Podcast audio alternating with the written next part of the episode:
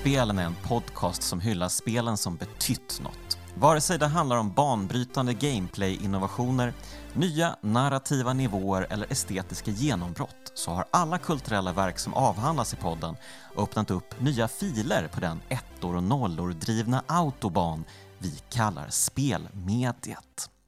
Jag heter Jonas Högberg och idag välkomnar jag Martin Lindell till podden. Hej Martin! Hallå, hallå! Tack så mycket! Ja, vad kul att du vill vara med. Du är ju, eh, alltså, har man minsta koll på spelbranschen i Sverige så känner man ju till dig. Du är ju liksom gammal i gamet, um, som man brukar säga. Um, du har ju liksom jobbat för stora spelföretag som Raw Fury och DICE. Du har varit analytiker för dataspelsbranschen. Um, du har även skrivit för Nöjesguiden om spel. Uh, men i mina ögon kommer du alltid att vara manual-Martin. ja. Vad var manual för något? Ja, det är roligt. Det, det, jag tänkte säga att det, det här är en sån här tidsmarkör för att eh, nu, nu, behöver folk fråga vad manual var för jag tror knappt någon kommer ihåg det. Mm. På, på, den tiden så var väl manual liksom stort inom eh, spelbranschen för det var då en, en branschtidning, det vill säga att den gick ut till Eh, spelutvecklare, butiker, distributörer, media och liknande. Så alla som på något sätt var inblandade i spelbranschen. Så det var ingen jättetidning, den hade väl en upplaga på ja, drygt tusen exemplar eh, i Sverige och sen kom det även en norsk och dansk utgåva under, under ett eh, tag. Eh, så ja, eh, på den vägen var det där 2000 mm. till 2007 och tidningen började väl ett år innan mig Eh, innan jag kom dit 99. Jag var frilansade lite för dem innan jag började. Och mm. om, man, om, man, ska gå ännu längre tillbaka så har den i sin tur sitt ursprung i något som heter Top 40 som var en, en branschtidning som eh, hade då eh, musik, film och spel. Men det var ju det typ sådär 30 sidor musik, fem sidor film och så två sidor spel. Mm, självklart. Det var ju rätt många som, som skrev för det, men bland annat Mats Lundgren som var ju tidigt på Superpower och Superplay till exempel. Ja, ja, ja, vad roligt. Um, ja, precis. Det, det var på det glada 90-talet då antar jag um, som den tidningen existerade. Um, Ja, precis, okay. precis. Mats fortsatte lite och frilansade även för, för Manal, så han skrev framförallt mycket om hårdvara och, och uh, lite sånt. Okej, okay, vet du vad det blev av honom sen eller? Uh, nej, uh, alltså han har väl liksom fortsatt och gjort uh, um, han hade väl, alltså han gick, man kan säga att han lämnade ju spel och gick mer mot data, IT, foto och, och mm. han skrev ju för den här tidningen Rateco elektronikbranschen och så vidare. Så att han, han rörde sig lite i samma fast mer mot lämnade spelet kan man säga. Okej, okay, eh, men nu jobbar du ju på Embracer Group. Vad gör du där? Eh, jag är ju på ehm, moderbolaget och vi sysslar egentligen inte så mycket med spel utan det är mer med strategi och planering och liksom uttrycket konsolidering. Det är så att alla de här bolagen som ingår i gruppen som Koch Media, Coffee Stain, Gearbox, Saber och så vidare. De är ju som oberoende enheter eh, som, som har kreativ och kommersiell frihet kan man säga. Um, Okej, okay, så Embracer Group det är, liksom, det är ett stort, stort bolag som äger massa mindre bolag helt enkelt? Ja, um, precis. Spelföretag och dylikt? Ja, ja, exakt. exakt. Så vi, vi är egentligen ett, vad man kallar ett holdingbolag helt enkelt. Mm. Yes. Um, ja, och vi har ju sett att ni bland annat håller på med någon sorts, uh, ja, vad är det, någon sorts inventering av alla tv-spel som någonsin existerat. Ja, just det, precis. Ett, ett spelarkiv. Det är, uh, ja. uh, det, är det är ju Lars gillar ju spelhistoria och samlar på spel och då kom idén att vi ska göra ett, ett arkiv um, som liksom är större än en samling, det är något mer och som ska kunna användas då av eh, folk på olika sätt. Eh, dels som för utställningar eller för eh, om man gör eh, till exempel gör research och, och, och eh, söker efter något speciellt spel och liknande. Så att, då är tanken att det byggs, bygger ett stort arkiv som Uh, mm. Helt enkelt ska samla ihop alla fysiska spel. Det, det är liksom scopet. Och, och, det är lite det här, alla kan inte göra allt. Det finns vissa som preserverar, andra som för att vara fysisk spelmedia och så vidare. Så att där blir liksom scopet att, att samla in och arkivera och katalogisera uh, de fysiska spelen helt enkelt. Just nu är det ungefär 50 000 um, spel och konsoler så de har rätt mycket Oj. att göra redan och ta hand om. Um, ja. Så det anställts ett par personer. Eh, David Boström är, uh, har blivit vd för arkivet. Han är väl känd som gaminggrannar men han är även då eh, i sin yrkesbana har varit teamchef och jobbat med bland annat lag och logistik. Så han har, han har liksom egenskaper, dels spelintresset men även då eh, andra egenskaper som gör att han passar bra i den rollen faktiskt. Mm. Ja, vad spännande. Uh, det ska bli intressant att se. Uh, men är det så att, liksom att vem som helst bara kan ta del av det här arkivet? Eller vad är liksom... Kan verkligen uh, precis vem som helst bara dyka upp och säga hej, jag vill spela det här spelet? Ah, kanske inte riktigt, men det kommer vara mest för, för forskning och liknande eller folk som ja ja, men journalister eller någon som skriver eller söker någonting eller på något sätt gör ett initiativ för att bevara spel. Alltså att man har något mm. syfte som man inte bara kommer att hänga och spela spel kan man säga. Men det kommer mm. vara en idé också att ha eh, utställning um, i Karlstad men sen även satellitutställningar om det finns andra då museum eller företag som, som då är intresserade av att låna spel för att visa upp i något speciellt syfte eller sammanhang. Um, mm. Så det är en tanke att det ska komma liksom till användning, att det inte bara ska låsas in uh, i arkivhyllor och aldrig liksom tas fram, utan det, det är tanken tank att det ska användas. Mm. Ja, det var mycket spännande och eh, förutom allt det här då så har du ju även själv skrivit en rad böcker om den svenska spelhistorien. Eh, bland annat om Nintendo och Sega i Sverige och deras olika satsningar här. Och du är ju just nu aktuell med boken Super Nintendo i Sverige som du har skrivit tillsammans med Carl Mikael Salberg. Um, du får gärna berätta lite om den här boken. Varför kände du att den behövde skrivas? Ja, alltså gå, långa storyn är att gå tillbaka till Nintendo-boken jag skrev först, 8-bitar på 80-talet, som handlar om, om hur Ove Bergsten och, och sedan då Lars Jarham hittar Game of Watch och tar hit den och lanserar Nintendo, Nintendo-klubben och allting. Den skrev jag då 2007-2008 och det baserades mycket på att jag ville dokumentera Oves berättelse. Jag tyckte det var så fascinerande att, att äh, spelhistoria skrivs oftast ur ett amerikanskt perspektiv. Och vi har ju faktiskt en hel del spännande lokala äh, Ehm, berättelser. Så det var ju en, en eh, lite projekt för närmast sörjande. Sen visade det sig att det fanns liksom ett rätt stort intresse och den boken fortsatte. Sen har jag med åren då mm, velat göra något mer och uh, Carl Mikael han um, är administratör för SNDB, Svenska Nintendo-databasen, så han är ju väldigt mycket för att kategorisera och uh, statistik och, och, kartlägga. Och han jobbar även på KB, uh, vilket också har varit bra för researchen när vi tar fram gamla tidningar och liknande. Mm. Så vi, vi, vi, hade liksom, vi fick en bra kombination om att Eh, Eh, berätta stories men även då kartlägga komplett. Så man kan säga att ambitionsnivån sen 8-bitars på 80-talet har, har liksom höjts enormt. Att från att mest handla om att få till en, en enkel pocket för att, att bevara storyn så har vi, lite, har vi haft lite ambitiösare och slog ihop oss med Fandrake som kunde liksom bistå med redaktörskap, layout och, och eh, eh, helt enkelt göra det liksom till en, en maffigare bok de är ju liksom kända för sina mer coffee table-aktiga böcker de har gjort med äventyrsspel mm. och liknande. Så det kändes som en bra kombo och vi, vi är väldigt nöjda. Det, det, det finns liksom, liksom olika stories som JP-spel och Nintendo on Tour och där vi har fått fram då unika foton som tidigare inte har digitaliserats. Men sen då även en komplett översikt av alla, alla Super Nintendo-spel som såldes här också. Mm, mm. Alltså, jag, jag, jag har ju bläddrat i boken, jag har ju köpt den själv och den är ju eh, fantastiskt fin. Um, härliga glansiga sidor och eh, massvis med eh, märklig nördig information som jag hade noll koll på. Um, alltså vilka härliga historier om den här Nintendo-bussen och ehm, allt som, alltså verkligen allt som har skett kring Nintendo på typ 90-talet kändes det som. Ja, men det är kul att höra. Det var det, det är lite den här tidsandan vi försöker fånga. Uh, det var ju någon som beskrev det, en, en, en bekant liksom inom samlarkretsar, så beskrev det lite som en Nintendo-magasinet eller Super Power på steroider. Att mm. Det har liksom fångat känslan från den tiden. Uh, mm. det, det, var lite vad vi var ute efter, så det var, det var lite roligt att höra också.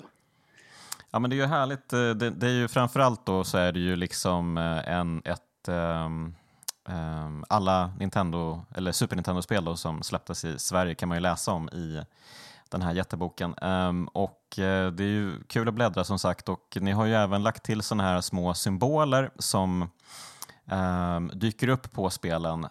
bland annat era huvuden mm. som alltså signalerar om ni gillar spelet eller inte. Och jag vet inte, det, det kanske inte är en helt binär skala där, ni kanske tycker om det lite grann men det är inget så toppspel kanske. Um, men uh, så det, det, är kul att se till exempel att ni båda gillar Turtles in Time.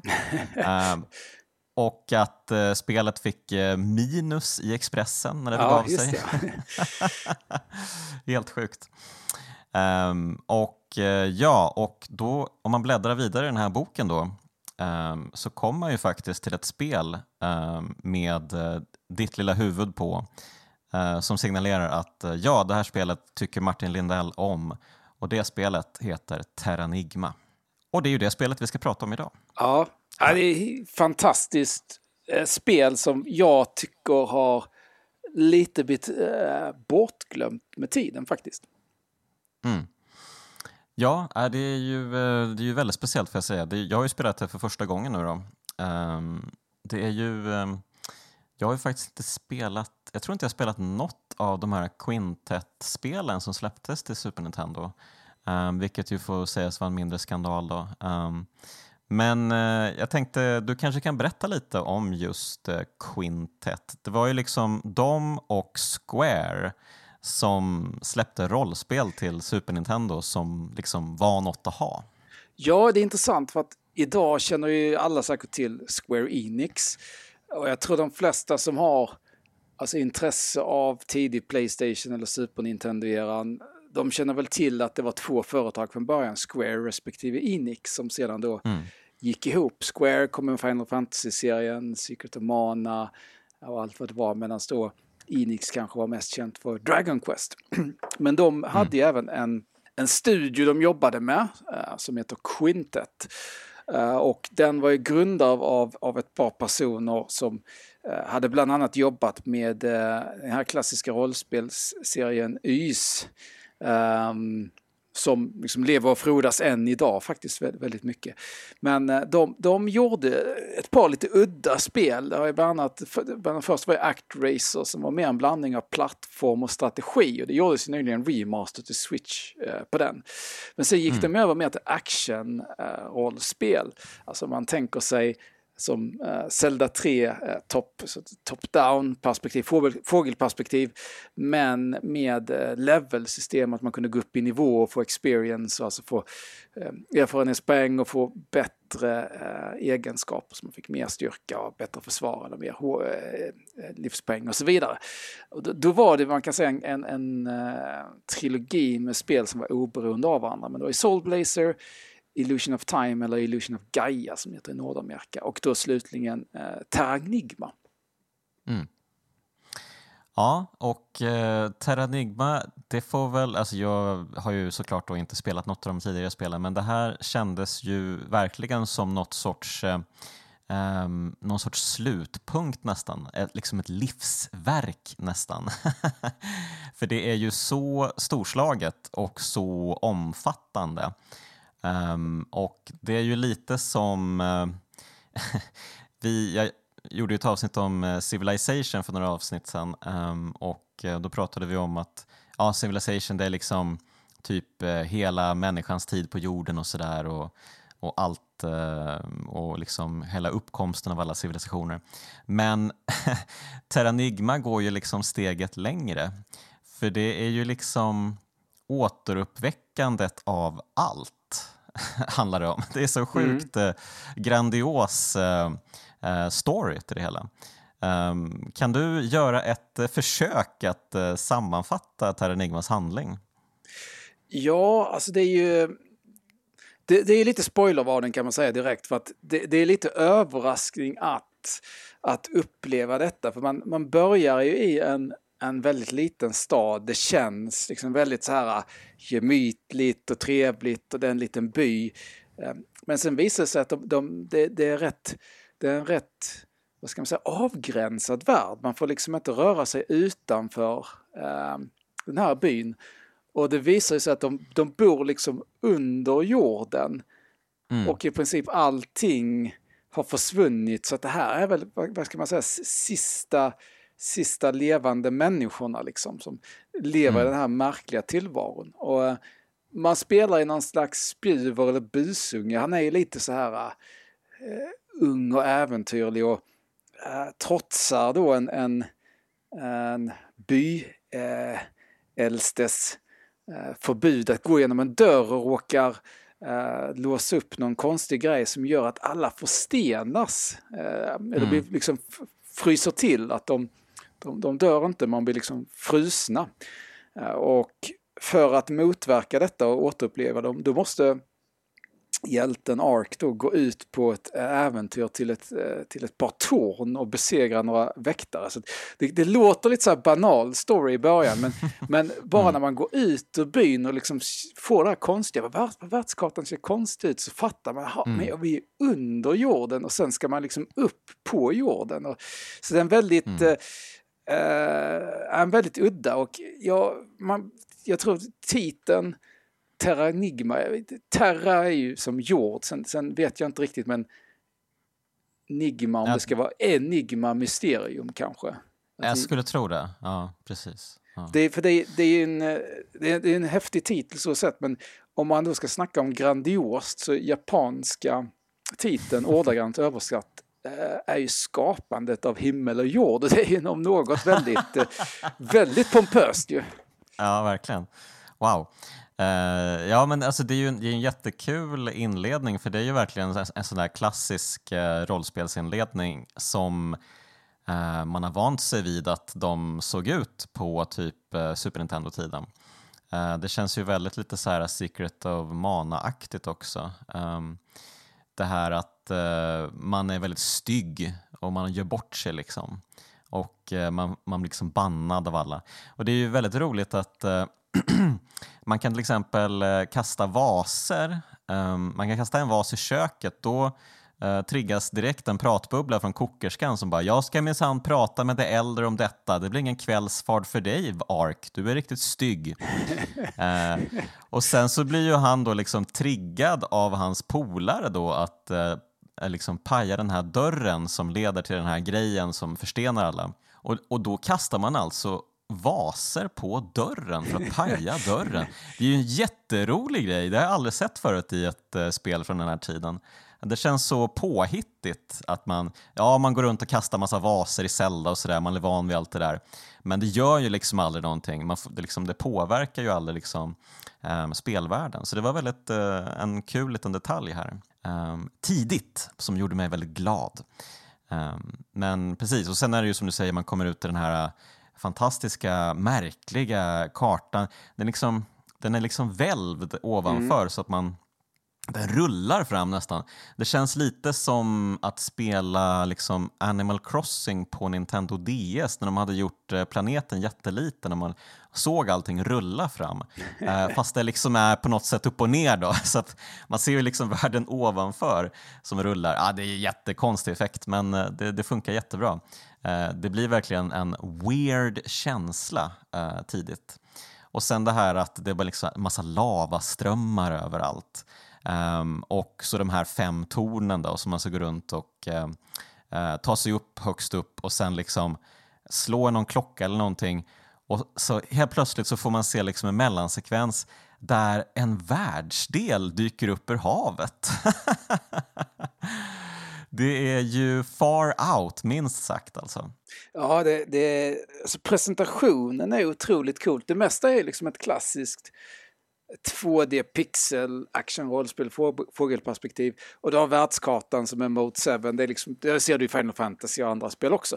Men mm. det är ju någonting när man till exempel när det kommer till de här tornen har de liksom gjort eh, förrenderade liksom, det, så liksom, det, känns, det känns som du står framför tornet och går in i mm. det. Så de har ju väldigt mycket detsamma när man sen återuppväcker kontinenterna och det, det är liksom en palett som rullar och himlen i Mode 7. De gör liksom väldigt mycket så grafiska trick, liknar rätt mycket Donkey Kong Country som gör att mm. presentationen mm. känns rätt mäktig faktiskt.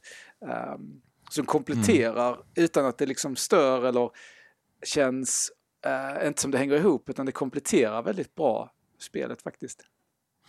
Ja men verkligen och sen den vanliga grafiken är ju jättefin och vacker också. Den, det är jättefina färger. Um, alltså, det är ju väldigt likt um, Secret of Mana så här i hur stora karaktärerna är och lite så här uh, man springer runt och slåss ungefär lite samma stil och sådär. Men jag tycker att Secret of Mana ser ju uh, ganska det kan se ganska grisigt ut. Det är, liksom det, det är fel färger på något sätt i det här spelet. Uh, men, men här känns det liksom väldigt mysigt från början och det känns liksom uh, som att de har hittat rätt med allting. Så att uh, ja, man blir verkligen intresserad att fortsätta den här resan. och det gör man ju också ovanpå jorden då när man väl har höjt alla världsdelar, alltså Syd och Nordamerika, Afrika och Eurasia, alltså det är ju, det är ju jorden som vi känner den. Det är ju inte en fantasyvärld, mm. utan det är ju liksom, det är ju vår jord. Mm. Och eh, ja, och, och, sen så får man då i uppdrag av den här um, äldre, the elder, som man bara kallas i början, um, att eh, hoppa ner i ett hål, vilket också känns eh, konstigt för då borde han väl komma neråt och sen kommer kanske uppåt. Jag vet inte riktigt hur det där funkar. Men, men eh, ja, han, så han dyker upp då till slut i Sydamerika. Och, och där eh, känns det ju... Alltså man känner sig ju så himla ensam helt plötsligt. För allting är ju liksom väldigt kargt och, och bistert och det är ju inte mycket till växtlighet någonstans. Och, um, ja, det blir ju liksom Arks första uppdrag i den här nya världen att uh, liksom väcka ja, men själva världen till liv um, i växter och dylikt. Uh, man klättrar väl ner för ett stort träd och uh, ska liksom återuppväcka den. Och det är mycket återuppväckande om och om igen. Liksom. Um, för sen tar han sig upp till Nordamerika och uh, väcker fåglarna till liv också. Mm. det är härligt. Um, och därifrån så tar man ju sig vidare. Um, ja, vad händer sen? Ja, men man, man fortsätter ju liksom med genom, genom djurlivet kan man säga. Så när, när fåglarna då är vakna då, då kan de flyga dig över till nästa kontinent. Så då kommer du helt plötsligt till Afrika. Det är lite fascinerande här som du säger, det är den riktiga jorden. Och det är på något sätt deras, jag vet inte om det är deras tolkning som japaner eller om de bara ville göra sin egen värld. För det, är lite fascinerande på det sättet att det, det är ändå rätt karaktäristiskt men det ändå känns inte alls som den riktiga jorden. Det känns ju som ett spel på det sättet även om den har hämtat tydlig inspiration i respektive världsdel. Att det är såklart mm. öken i Afrika och det är, är eh, Amazonas i Sydamerika och det finns Gobiöknen och det finns Tibet och så vidare. Mm. Precis, och eh, ja, och precis som du säger, man väcker ju djurvärlden till liv och här tycker väl jag kanske det är liksom det första stora ögonblicket i spelet när man träffar den här lejonpolaren Lame. Uh, för man, man, man får ju liksom i uppdrag av hans uh, mamma, tror jag det är, att uh, leta rätt på honom. För att mm. han är ute och gör någon sån här right of passage-grej. Liksom. Han ska ut och klara sig själv och visa att han är självständig och sådär. men då har han ju liksom hamnat i trubbel. Så då ska man hjälpa honom och guida honom hem. Men då dyker det upp ett mossmonster, tror jag, något liknande. Um, får man en liten bossstrid och då blir man ju nernockad till plattformen nedanför och eh, får liksom inte se det som händer ovanför. Man får bara höra hur Lame fortsätter att slåss med det här monstret. Um, det är ju... Alltså, jag, jag, känner att de kunde ha gjort det lite mer, att det kunde fått lite bättre impact det här ögonblicket om det verkligen hade hänt något med Lame. Men nu, nu blir han ju bara liksom uh, den här stora hjälten. Han tar över, slår ner monstret, upptäcker att jag är kvar på den här plattformen nedanför och hjälper mig upp. Liksom. Uh, men det hade varit häftigt om man liksom var inkapabel att hjälpa till och hör att det går dåligt för Lame istället. Um, det hade kanske gjort ögonblicket ännu större känner jag. Sen, sen var han ju rätt, det är en rätt självgod liten rackare också som hela tiden liksom, ja, gör narr av en nästan. Uh, det, det, är, mm. det är väl ett av få tillfällen där man kan liksom uh, du kan förlora honom och sikte och så kan du gå vidare och komma för långt så du inte kan fortsätta, måste liksom börja om. Så det gäller liksom hela tiden att mm. hålla reda på den här lilla eh, lejonungen då också. Men eh, det är eh, det, är, det är väldigt roligt med karaktärerna för alla, alltså i, man, som, man pratar ju med djuren så alla är väldigt distinkta personligheter också vilket är kul. Um, mm. Sen jag tror att förutom det här då att man ska följa efter lejonet just där. Någonting som jag gillar allmänt med spelet, det är ju tempot. Eh, mm. Jag tänker att det är nog många som har spelat Secret of Mana som du nämner. Där eh, vet man laddar ju upp eh, sina attacker där och det känns mer som ett turordningsbaserat spel i realtid medan Terranigma mm. känns som ett riktigt actionrollspel. Att det är ett väldigt flyt i det faktiskt. Ja, men striderna är faktiskt ganska roliga. Han har ju liksom ett gäng olika attacker. Um, några är ju liksom helt uh, övermäktigt bra. Den här hoppattacken är ju otroligt grym. Den försöker man ju använda så ofta man kan. Um, men ja, men precis, det är ju som du säger, man, man flyger ju fram i spelet och eh, slaktar det mesta och plockar på sig nya svärd och, och eh, rustningar och sådär. Så att eh, jag hade ju aldrig liksom några stora problem med eh, fighterna utan det kändes som att eh, det liksom var väldigt välbalanserat igenom ehm, hela spelet. Mm, och det, det, tycker jag är lite trevligt för att många av de här 90-talsrollspelen det är ju nästan lite, lite som att nu kommer nu öppnas en ny del, nu måste du grinda, sen kan mm. du liksom naturligt gå vidare. Det är ungefär som att de, vi måste dryga ut speltiden lite. Ja, exakt, exakt. Ja. Ja, men det behöver man ju inte här. Um, det ligger väl kanske på kring jag vet inte, 15-20 timmar någonting uh, om man har fokus hela tiden. Men det finns ju mycket att se och göra mm. som inte liksom är um, centrerat till handlingen just. Och det, det händer ju jättemycket sen när man väl återuppväcker mänskligheten. Mm. Och det gör man ju då givetvis i Tibet. Um, för, jag menar, självklart, Eh, om vi ändå ska återuppväcka och återuppliva saker så är det klart att vi ska göra det i buddhismens hemvist. Mm. Um, och uh, ja, så fort uh, människan är tillbaka på uh, the scene of the crime så um, förlorar man ju förmågan att prata med djuren. Mm. Det är ju väldigt sorgligt tycker jag med tanke på att de var väldigt trevliga allihopa. Um, och eh, ja, det är väl, alltså det är ju väldigt mycket sådana teman i spelet att man gör ganska stora uppoffringar hela tiden för att komma vidare, för att, uh, ja, men för att hela liksom, eh, planeten, mänskligheten och handlingen och så, liksom, att allting ska gå vidare, ta nästa steg hela tiden, kräver någonting. Mm. Eh, något som man inte riktigt gillar. Så det, det är en hel del sådana uppoffringar hela tiden. Um, men ja, precis. Och sen människan återuppväcks och då Eh, ja, då liksom börjar man verkligen få se um, många stora delar av världen. Man, man går ju vilse i en zombiestad som är jättespeciell. uh, jag vet inte, minns du den? Ja, eh, det här att man, man vaknar upp så visar det sig att det inte alls är människor utan det, det är zombies mm. istället. Eller ja, monster. Mm. Mm. mm. Ja, nej men det, det är många sådana märkliga ögonblick alltså, som uh, väldigt härliga. Och Det är lätt att gå vilse där också. Och där tror jag att man stöter på den här uh, Sven Hedin, den här gamla upptäckaren som finns i spelet. Um, om man inte gör det senare kanske. Uh, men det, det, är ju också det, det finns ju många liksom kändisar i spelet som dyker upp. Mm. Um, ja men dra några.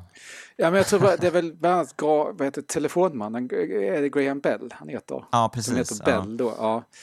Så det är, det är en hel del. Um, det är liksom folk, Columbus, ja, upptäckaren. som är runt om i städerna som man då kan prata med. Som ger lite stories där. Konstnärer och lite allt möjligt folk. Ja, men precis. Och det gör ju, det gör ju allting ännu lite mer bisarrt om det nu är liksom... Eh, det är svårt att veta, är det här the original Alexander Graham Bell? Um, är det liksom vår värld som vi ser den nu, som han rör sig i? Eller är det här en återuppväckt eller liksom en, en Graham Bell som har fått nytt liv i den här nya världsordningen? det väcker många frågor allt det här. Mm eh, som man aldrig riktigt får svar på, men det är ju, det är ju bra. Ja, det, det är en väldigt, väldigt fascinerande tolkning. Där, där, finns ju en, man kan ju backtracka och eh, flyga till Japan. Uh, mm. Och då kommer man till någonting som då heter Nio Tokyo och det är lite jag kommer ihåg, är det inte Akira som har Nio Tokyo också? Att det, det är ändå ett mm. begrepp att Tokyo Eh, ödeläggs men kommer tillbaka. Det är lite märkligt i det här sammanhanget. Där, då kommer man till en rätt modern stad. Och, mm. och om man, där, där, finns egentligen inget direkt syfte men man kan lyckas få fram ett nytt hus som, som kommer upp om man, om man letar en soptunna som sagt konstig grej, man får upptäcka det. Men då, då besöker man alltså, i det här huset finns Quintets eh, kontor. Och det är så himla mm. abstrakt för att då tänker man att det ska väl vara människor som utvecklar spel. Men då är det mass, vissa, vissa av karaktärerna eller då utvecklarna är personifierade som djur istället. Så det, ja, det. Ja, så det är mm. liksom mm. höns, tuppar och, och, och grodor och vad det är. Det, ja, det är jättemärkligt och då pratar den liksom om Illusion of Gaia 2. Så bara det är också mm. någon slags vet, fjärde väggen eller vad man ska säga. Det, det, är väldigt märkligt. Ja, det är lite lustigt att de pratar om Illusion of Gaia 2 med tanke på att Terranigma eh, aldrig släpptes i Nordamerika. Mm. För det var väl i Nordamerika det hette Gaia och ja. det hette väl Time i Europa? Exakt, exakt. Ja, det kanske bara är någon översättningsmiss där. Att, ja. Men eh, hur som helst, så det, det, är mycket, det är mycket liksom, um, bryderier hela tiden man, man, man eh, ställs inför. Vad menar de med det här egentligen? Vad, vad är poängen? Vad, vad är grejen? Men det är ju väldigt härligt också. Det är ju väldigt så här, uh, man blir ju glad av allt det här uh, knasigheterna liksom, som ständigt dyker upp. Um, och alla dessa sorgliga ögonblick som bara fortsätter. det finns ju ett som jag antar är liksom alla Terranigma-fans eh, go-to-ögonblick. Och det är väl liksom ögonblicket med geten. Ah, ja, just det. Ja, ja den, där finns ju en, dels en omedelbar eh, grej när, när liksom geten, det är två getter och man är inlåst under en lavin. Mm. Och den ena är då död. Det, det, det intressanta är att den andra jätten är liksom väldigt pragmatisk och medan Ark äh, tycker det är väldigt sorgligt. Så det är också en sån här mm. ja, konstig situation. Ja, men det, det är verkligen en, en fantastisk eh, fin scen. Dels för att, som du säger, jätten är extremt pragmatisk. Eh, den, den erbjuder ju Ark att äta av hennes döda make. Liksom. Eh, du behöver lite protein i dig, käka lite get här. Men eh, det är, ju, det är ju din man, vad håller du på med? Uh, ja, men han tar inte skada. Uh, typ sådär. Och sen så hjälper hon ju honom ut ur den här grottan de befinner sig i så att han kan klättra upp för en bergssida. Men det är ju liksom en, en ganska här, nästan 90-gradig vägg så att geten kan ju inte följa efter.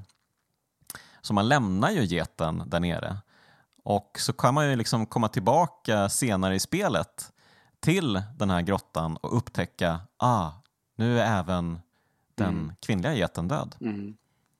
Så det är ju otroligt sorgligt verkligen. Mm. Um, och uh, ja, Jag får nästan lite rysningar när jag tänker på det igen. Mm, mm. otroligt fint. Um, och, uh, ja, men, och de, de kanske inte når upp till getklass med alla de här grejerna men det, det är en hel del som ändå liksom, ja, uh, direkt fångar hjärtat. Mm. Um, man, man kommer ju sen då till uh, Frankrike, eller den här uh, versionen av Frankrike. Då. Och där stöter man ju på uh, sitt gamla kärleksintresse och här blir det jättekonstigt. För det visar sig att det finns, för att uh, nere då i undervärlden så fanns det en kvinna som hette Elle Eh, som Ark var lite sweet på och eh, ja, vice versa. Eh, men när han kommer upp till ovanvärlden så visar det sig att det finns en annan version av Elle. Ehm, en typ en ljus version av henne och så finns det en mörk version av henne nere. Ehm, eller två olika versioner helt enkelt. Ehm, och hon å sin sida har ju liksom, hon, har ju, hon är ju stum så hon kan ju inte prata längre och uh, då får man ge sig ut på en resa till, till Stockholm, eller Storkholm, uppe i Norden. där man då hittar byn från undervärlden på ovanvärlden. Så den finns där uppe i Storkholm. Och allting ser ju typ ut som det gjorde liksom där nere. Um, och eh, här träffar man på en magiker av något slag som sen hänger med tillbaka till Frankrike och eh, eh, visar den här L då, en vision av sina döda föräldrar. så att det, det, är ju så himla många sådana liksom, ögonblick som, ja, men, som verkligen hits home. Det är riktigt snyggt, många av de här grejerna. Um, ja, och uh, sen eh, är det ju en himla uh, liksom rattandes fram och tillbaka i den här nya världen. Uh, och man, man, har väl liksom ingen riktig så här mål eller mening heller ganska länge. Eller hur kände du det? Och det, nu, ska, nu kommer vi in i territorium. Eh, jag har ju aldrig klarat detta nämligen. Så att jag, mm -hmm. nej, så jag, jag har aldrig, vet, nu, jag, har ju, jag började om och började spela nu igen. Så det där har jag faktiskt fortfarande kvar att uppleva. Okej, okay. ja. um, då är frågan, får jag spoila lite då? Ja men det är klart, för mm. folk måste ju få veta. Ja, men precis. Uh, ja, alltså det, det händer ju en del andra saker. Um, det är mycket fram och tillbaka hit och dit. Och man, bland annat så får man ju liksom eh, hjälpa till att bygga upp eh, en modern tidsera. Man får vara med och eh, när liksom den franska kungen har dött så är det liksom medborgare i den lilla franska byn Loire som Eh, vill välja en borgmästare och liksom få fram en demokratisk era och sådär. Och väljer man den progressiva borgmästaren, då händer det jättemycket. Då börjar de göra liksom eh, kameror och massa grejer och eh, man får eh, hjälpa till med vinframställning och allt möjligt. Liksom. Så man, liksom, man avancerar verkligen civilisationen på olika sätt. Um, ja, men det är härligt. Och ja, då... Man, precis som du sa, man är ju till exempel i Amerika och hjälper Alexander Graham Bell med sin telefon och eh elektriciteten och allt möjligt sånt där. Um, ja, men, men då till slut då så får man ju eh, någon sorts eh, driv när man väl förstår då att eh, hela ens eh, mål är att nå fram till en skurk av något slag som har legat typ nedfryst sedan den förra ehm, världen fanns. Ja, det, allting är väl lite mm, halvflummigt sådär men det fanns en värld tidigare som gick under i något sorts krig mellan mörkt och gott. Och då fanns den här människan eh, som hette Beruga och han är ju en, eh, en riktigt mörk och hemsk individ som har någon sorts eh, liksom, futuristisk fabrik eh, och ett mål att eh, liksom, han vill förinta stora delar av människan med ett virus. Hmm, känner vi igen det här? För att sen uh, låta de intressanta människorna leva för evigt som zombies. Vilket ju är, eh, ja men det är ju verkligen en, eh, eh, det är hemskt gånger hemskt ungefär. Mm. det är ingen som kan bli nöjd med den här nya världsordningen känns det som. Um, ja, och, och sen är det mycket fram och tillbaka. Um, jag ska väl försöka korta ner allting för det är ju ett jätte, jättestort spel det här. Uh, men det, ja, till slut så blir det ju i alla fall så att uh, Ark dör han hittar fram till platsen där liksom det här stora slaget från förra världen där gott mötte ont förra gången. Um, jag tror att det är Australien, eller så kan det vara i uh, Antarktis, jag har glömt bort det nu. Men... Och där så dör han. Ark dör alltså. För att han träffar den ljusa sidan av sig själv. Han träffar Ar den här liksom ovanvärldens Ark. Mm. Och dör. Men han blir sen återuppväckt av buddhisterna. Och eh, liksom, de pratar om att han existerar utanför ödet, att han är en del av både ytvärlden och, under, och eh, ovanvärlden, då, undervärlden. Um, och så får man se en jättemärklig scen där han är en bebis och det, de båda L har liksom en, en, en strid om honom nästan. Uh, den ena mörkersidan drivs av den här mörka guden som då är the elder. Det är han som har liksom orkestrerat allting. Det är liksom hans, eh, det är hans mål och mening med att återuppväcka världen och eh, se till att allting sker liksom enligt Berugas planer. Um, men så finns det då en light side som uh, försöker stävja detta. Uh, ja, och sen så liksom blir han vuxen igen på, på nolltid. och uh, ja, och så, så blir det liksom en, en slutfight på ett luftskepp mot Beruga som är jätteintressant för att man aldrig liksom har den här striden mot Beruga. Um, han bara gör något misstag här, tappar kanske fotfästet och blir liksom slaktad av propellern på det här luftskeppet. Det är, eh, det är fantastiskt, det är lite Indiana Jones-aktigt liksom. Eh, kasta in någon i en helikopter så händer det saker. Liksom. Eh, lite så. Um, så det, ja, det kan man säkert tolka in jättemycket i också. Det här att man aldrig riktigt får tillfredsställelsen att uh, faktiskt sätta den här onda människan på plats. Att de kanske förstör för sig själva oftare mm. än ja, de faktiskt segrar. Um, ja, och sen så blir det ju då en riktig slutstrid um, nere i undervärlden mot den här mörka guden, Dark Gaia. Um, och det är ju, jag måste ju säga det, att det här spelet har nog ett av de absolut finaste sluten i tv-spelshistorien. Mm. Så det här tycker jag verkligen att du ska spela klart, Martin. Mm. För det är verkligen helt otroligt vackert. Um, man, man, man segrar ju såklart. Uh, man, man dödar den onda guden.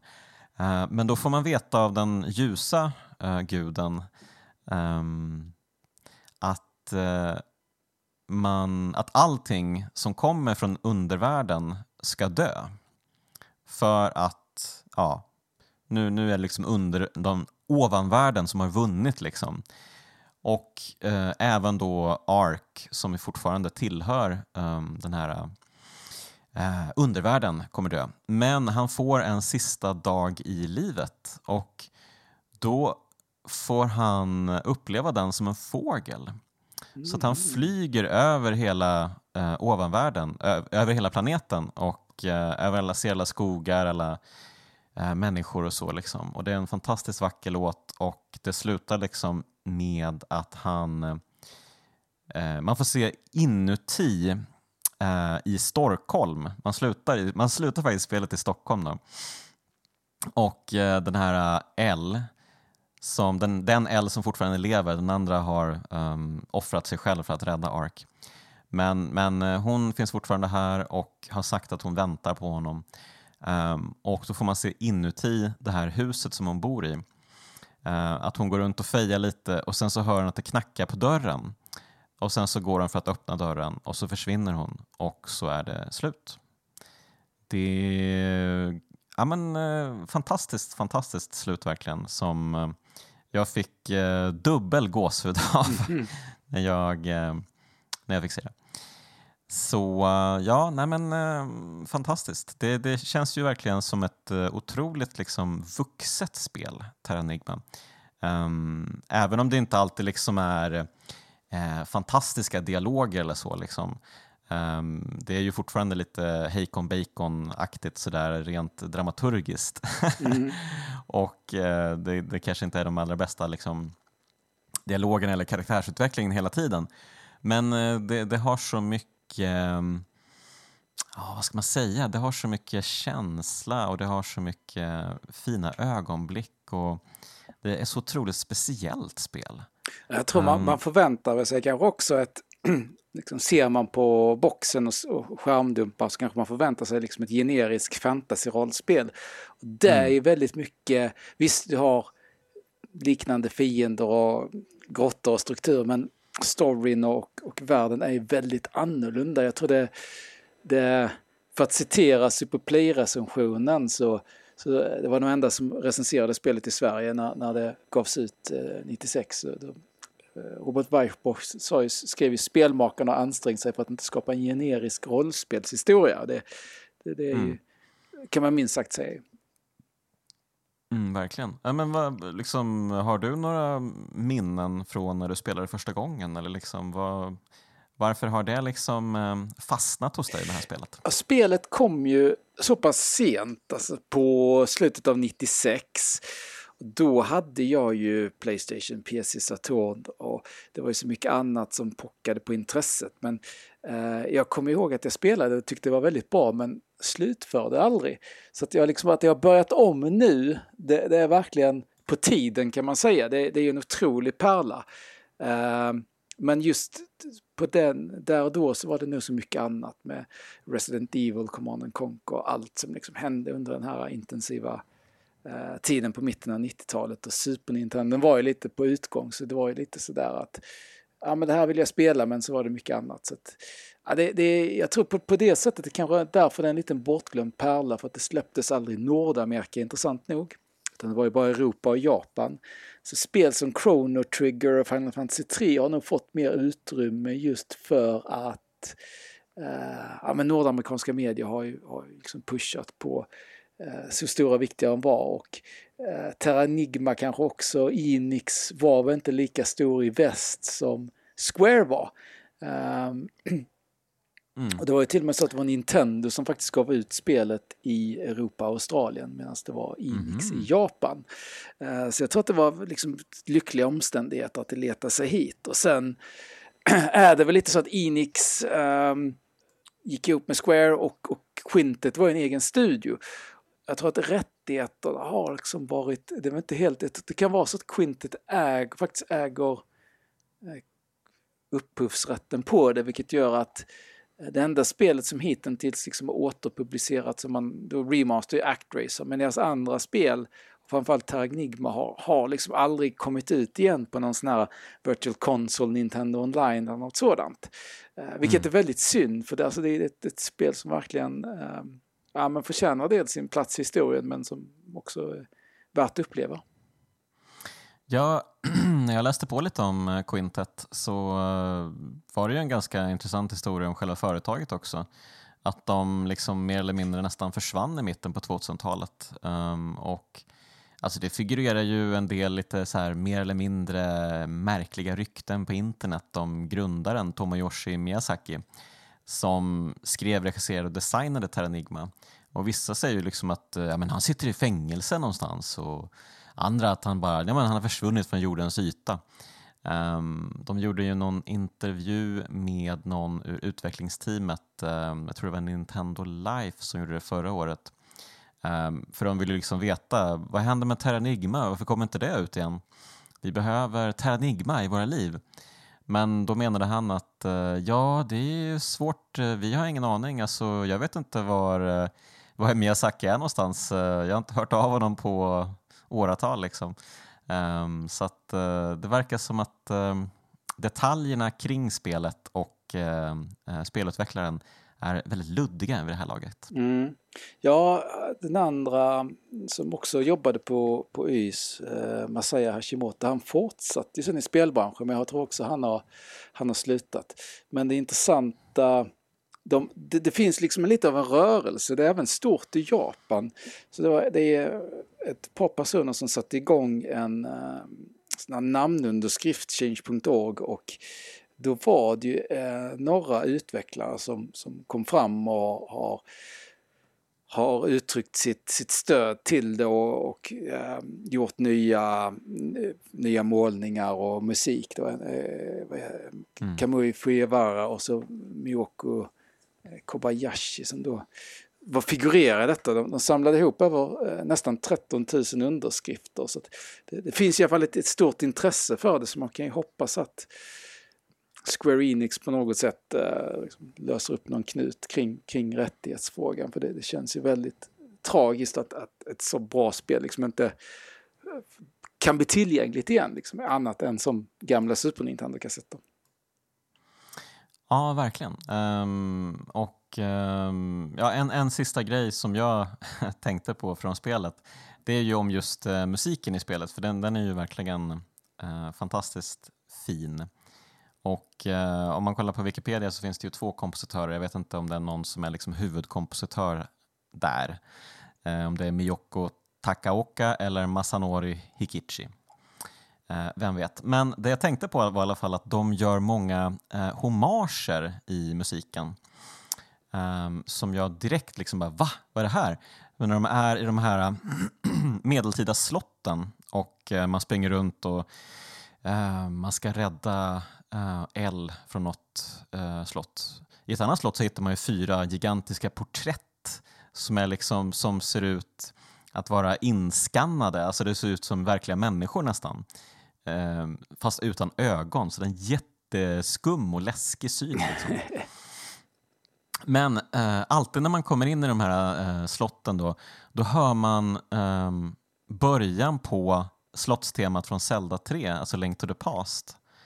Um, de har verkligen liksom samplat det nästan och sen så uh, springer det iväg åt ett annat håll. Då, men, så det, det känns väldigt tydligt. Och sen tyckte jag att det var jättekul att när man är i uh, den här franska staden Loire och även några andra ställen tror jag.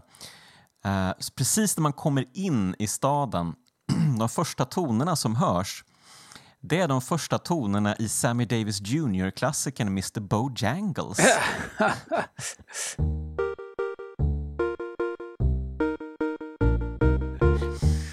Det är helt sjukt. Jag, alltid när jag liksom trippade in så tänkte jag alltså jag känner igen det här så väl. Jag har hört det här. Och Det är bara liksom de första fem, sex tonerna typ. Uh, men, och sen så liksom sticker det iväg åt ett annat håll. Men det är så tydligt att de bara, nej men det här är skön musik, vi samplar det på något sätt och det är ingen som bryr sig. Um, och det vet man inte riktigt hur det är med den saken. Men uh, ja, så att, uh, jag kan tänka mig att det finns många fler sådana liksom, uh, referenser att göra. Jag är inte så musikkunnig egentligen. Det är bara det att den är, ligger mig väldigt kär om hjärtat. Ja, intressant, det här måste jag lyssna in på om, eller se om det finns någon som har, har har eh, kartlagt det. Ja, musiken är fruktansvärt bra. Just det här när vi pratar om lejonet förresten. Den låten mm. är ju oerhört, oerhört fin. Det, det, jag, har, jag får lite så Earthbound-vibbar eh, av vissa låtar. De är liksom duktiga på, på lite så bas och trudelutter. Ja, det är fint. Ja, um, ska du våga dig på någon sorts uh, sammanfattning? Vad är det liksom som gör Terranigma till ett kraftspel? Ja, men jag, jag gillar ju jag gillar ju actionrollspelet, alltså tempot, eh, att det är en, en bra, eh, bra balanserat och man, man dras med i den här väldigt konstiga, udda storyn. Det är väldigt, det är väldigt annorlunda helt enkelt. Så det, det, det liknar på ett sätt så kan det, kan det kännas som ett konventionellt actionrollspel men det liknar ingenting annat helt klart. Det, ja, jag, jag jag har svårt att sätta mer exakt fingret annat än att det är ett jäkligt bra spel. ja, men det är det ju verkligen och det är ju som du säger, det liknar ju verkligen inget annat spel och det är ju, alltså det, det är verkligen ett unikt spel fortfarande så här 25 år senare. Um, och det, ja då har det ju kanske inte påverkat så mycket som man kanske skulle vilja då, men bara det att det ändå är, liksom ett unikum, det tycker jag gör det tillräckligt eh, mm. eh, intressant och eh, maffigt att få vara med i kraftspelen.